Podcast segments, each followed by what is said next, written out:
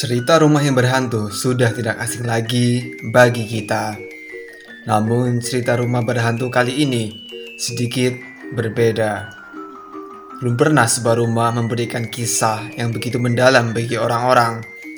Karena rumah ini tidak hanya mengerikan, namun menjadi tempat pembunuhan. Kisah Amityville Horror, bisikan pembunuhan di rumah berhantu.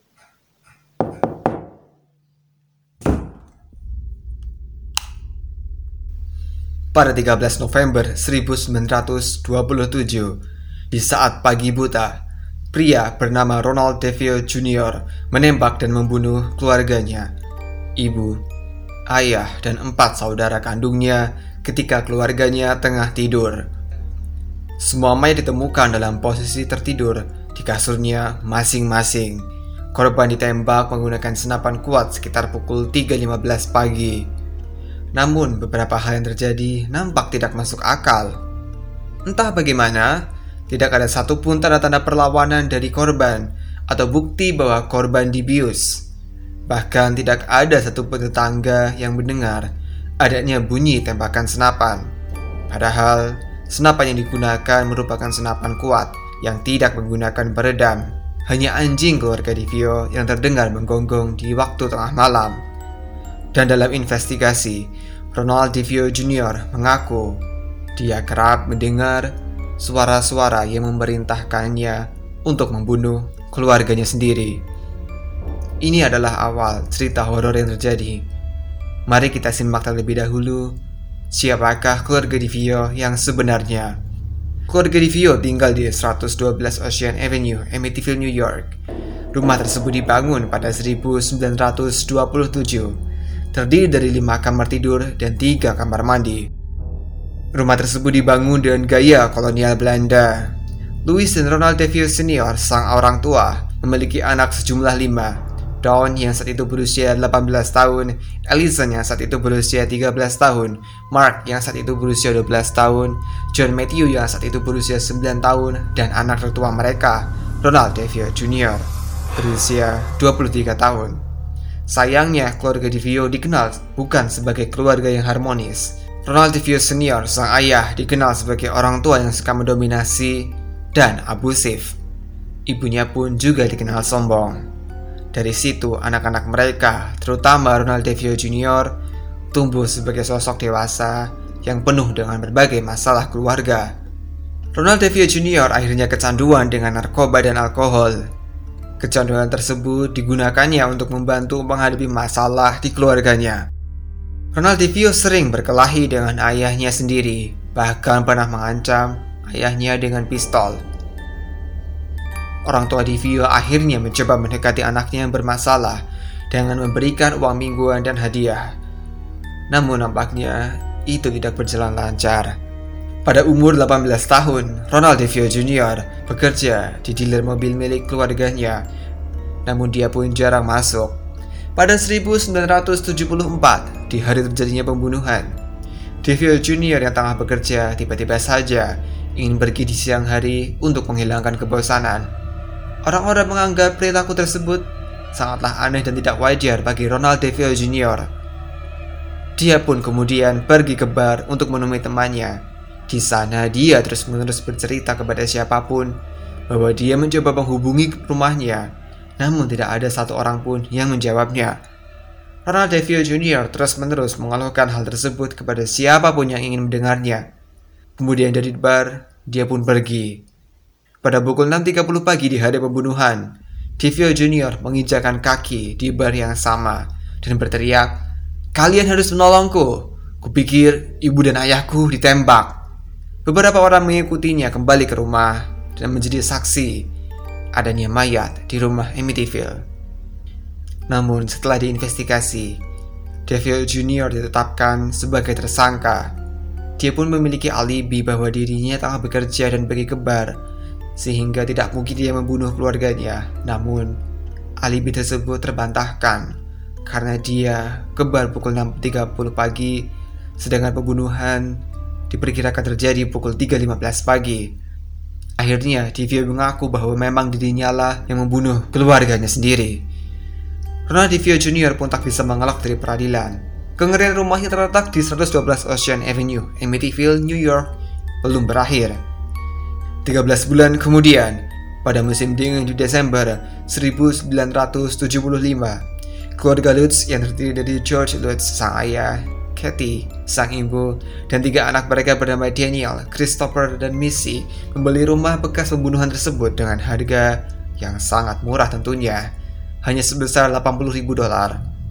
Meskipun keluarga Lutz mengetahui masa lalu kelam dari rumah tersebut, mereka pun tetap membelinya. Dan inilah awal kisah mengerikan yang dialami keluarga Lutz ketika tinggal di rumah tersebut.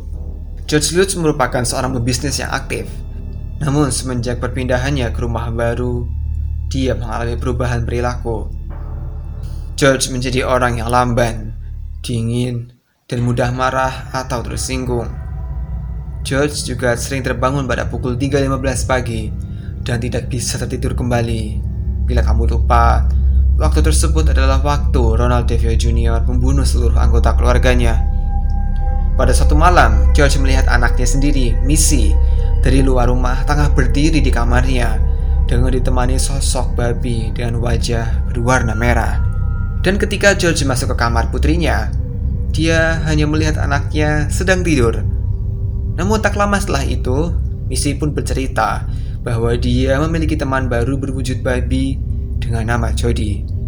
Di kesempatan lain, George melihat istrinya, Kathy, yang tengah tertidur bersamanya, memiliki wajah yang berbeda.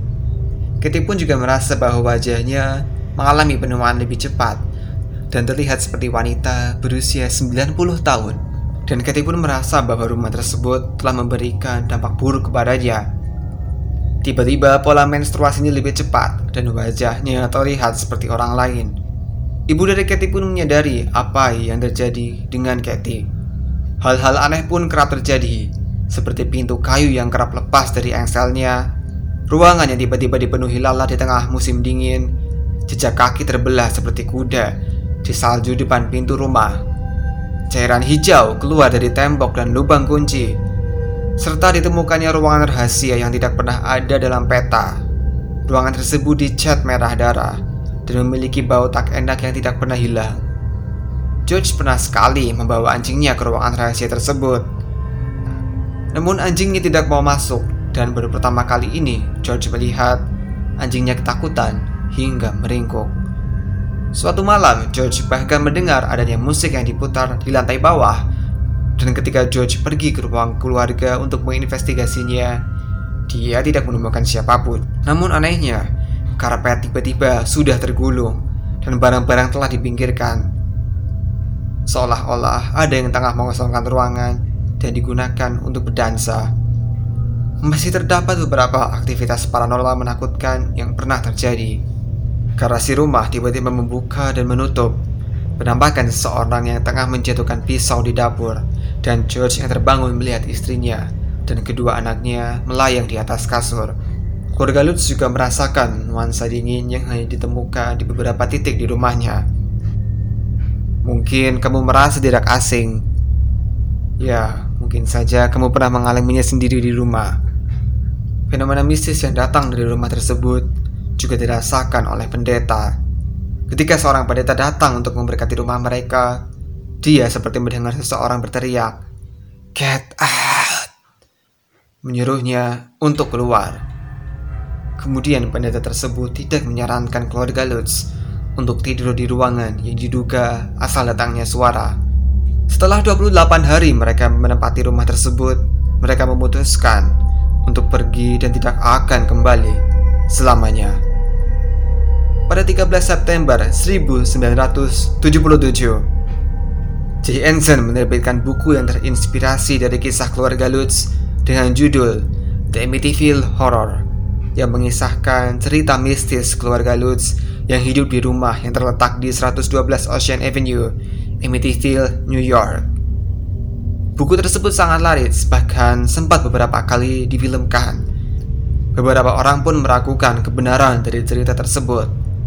Namun faktanya, baik George dan Katie Lutz berhasil lulus dari pendeteksi kebohongan ketika mereka menceritakan kisah yang terjadi.